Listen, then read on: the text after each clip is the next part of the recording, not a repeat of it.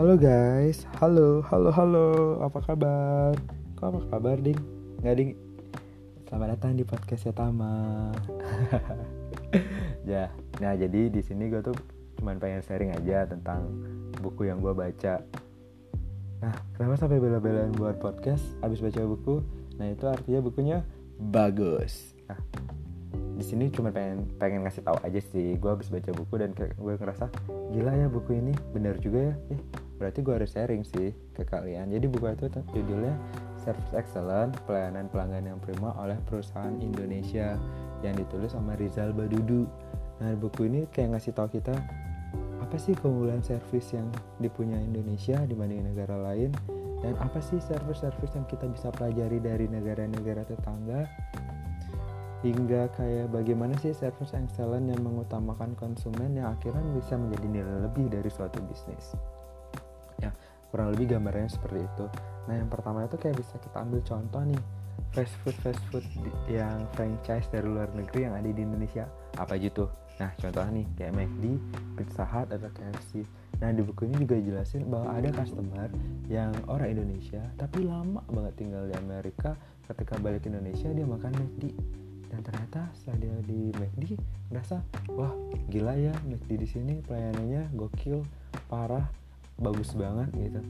Karena menurut dia uh, McD di sana khususnya fast food ya fast food di sana itu kayak uh, tidak melayani customer dengan seramah itu dan sesenang ini. Jadi kayak mereka ngelayanin kayak cuman ada orang beli uh, dilayani ceplok naruh doang kayak nggak ada senyum kayak nggak ada apa. Karena mereka kayak ngerasa fast food itu bukan makanan pilihan utama fast food itu kayak makanan pilihan terakhir. Mungkin karena mindset itu kayak akhirnya mereka nggak perlu nih gue ngelayanin lu dengan ramah tapi beda dengan Indonesia. Kayak kita dilayani dengan sangat ramah ada welcomingnya dan bla bla bla. Pada tahu kan? Ya gue tahu lu anak-anak fast food ya. Micin. Nah salah satu hal yang membanggakan yang kita bisa banggakan dari negeri kita nih Nah ada namanya tuh kayak institusi kontak center world ya. Mereka tuh ngadain award di setiap tahunnya gitu loh. Jadi kayak award setiap tahunnya itu tentang pelayanan kontak center seluruh Indonesia dan bangganya adalah Indonesia selalu menjadi peringkat teratas dan bahkan menjadi juara umum di event itu. Nah, hal yang gokil lagi nih Indonesia tuh pernah meraih 70 medali guys sebagai juara umum tuh peringkat satu 70 medali sedangkan peringkat dua itu Australia hanya meraih 5 medali. Lo bayangin aja dah bedanya berapa? 70 banding 5 cuy. Jadi 70 tuh dari perusahaan apa aja? Ya nggak dari satu perusahaan sih sebenarnya. Jadi tapi didominasi oleh Halo BCA dan Mandiri Call yang meraih kayak banyak award gitu. Ya lo tau kan pelayanan Halo BCA dan Mandiri Call dalam melayani konsumennya kayak mana? Ya mantap kan guys? Jadi kayak kita uh, komplain apa nih halo halo BCA bandir kok bla bla bla bla nah setelah gue mereka tuh kayak selalu ngasih berusaha ngasih tahu solusi itu by system gitu gak sih? Ya kan? Ada by system dan sistematis dan kayak berusaha mengasih solusi se sebisa mungkin sebanyak mungkin semaksimal mungkin biar hari itu kelar gitu kan biar dia nggak pelanggan nggak perlu nelfon lagi dan gak lupa di setiap akhir itu kayak selalu mereka tuh minta feedback. Dengan bilang apakah sudah jelas informasi dari kami? Jika sudah jelas. Nanti bakal ada SMS yang berisi tentang feedback service kami. Jadi angka satu untuk sangat buruk angka lima untuk sangat baik. Gitu kan guys? Pada tahu kan? Nah itu mereka tuh kayak selalu berusaha minta feedback customernya biar uh, ya meningkatkan servisnya makanya akhirnya mereka menjadi servis yang excellent dan diakuin oleh dunia. Gokil nggak sih? Nah itu contoh-contoh yang ada di Indonesia.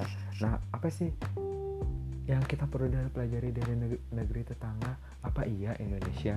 Nggak perlu belajar ya perlu dong. Contohnya nih contoh contoh simpelnya pelayanan rumah sakit. Nah di Malaka Malaysia itu kalau kita mau check up itu cuma perlu waktu 4 sampai 5 jam. Itu udah check up lengkap loh. Coba di Indonesia. Di Indonesia rata-rata kalau kita pengen check up lengkap itu pun harus dengan prosedur ya di awal kita pengen check upnya lengkap ini ini ini.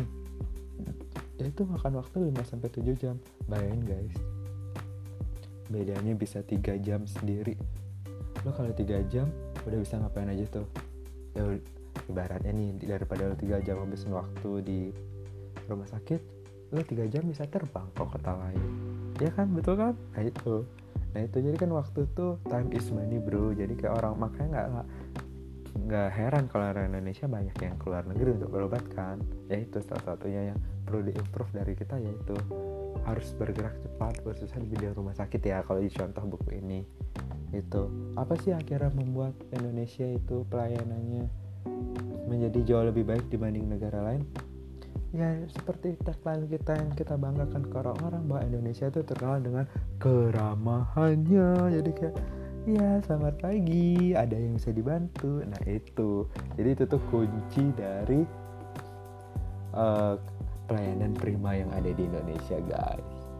Nah sekarang kita lihat apa sih sebenarnya perusahaan itu penting gak sih buat melaksanakan pelayanan prima untuk pelanggan ya sebenarnya pelayanan prima itu adalah goals dari itu nggak sih? Apa sih tujuan dari perusahaan untuk menggait customer? Nah apa sih tujuannya sebenarnya?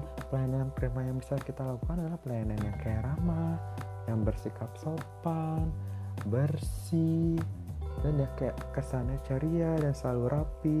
Jadi orang customer tuh kayak ngerasa senang dilayani kayak ngerasa wah ini orang enak yang lainnya jadi kayak ngerasa nyaman gitu kan nah jika customer udah kayak ngerasa nyaman tentang pelayanan yang kita berikan apa sih yang terjadi? Ya pelanggan kayak langsung memut bilang ah sini aja nih. Jadi loyal kan dia. Terus kalau ada produk ini ada produk baru nih. Dia, mereka juga semangat wah ada produk baru ya. Uh, servisnya gini gini gini. Mereka juga akhirnya menjadi loyal dan ya semangat aja kalau kita layani. Apa yang dampak ke perusahaan? Customer loyal perusahaan menjadi besar. Karena karena emang perusahaan yang menjual jasa itu emang harus mengedepankan customer untuk mencari benefit yang lebih kan. Begitu. Jadi kayak sekarang ini kayak banyak perusahaan itu kayak nggak nggak sadar gitu loh tentang uh, gimana harus menekan pelayanan prima. Mereka kayak sadar tentang mengembangkan produk aja padahal dengan pelayanan prima benefit yang mereka dapat income yang mereka dapat jauh lebih besar dengan keloyalan customer itu. Gitu guys kurang lebih bukunya. Nah nanti kalau ada kesempatan kalau gue lagi baca buku baru ntar gue sharing lagi ya guys. Ya udah ya. Itu dulu ya. Udah nih udah nih udah nih. Ya udah gak apa-apa ya. Ntar kita sharing lagi. Oke okay, bye guys. Terima kasih. Sampai jumpa. Ya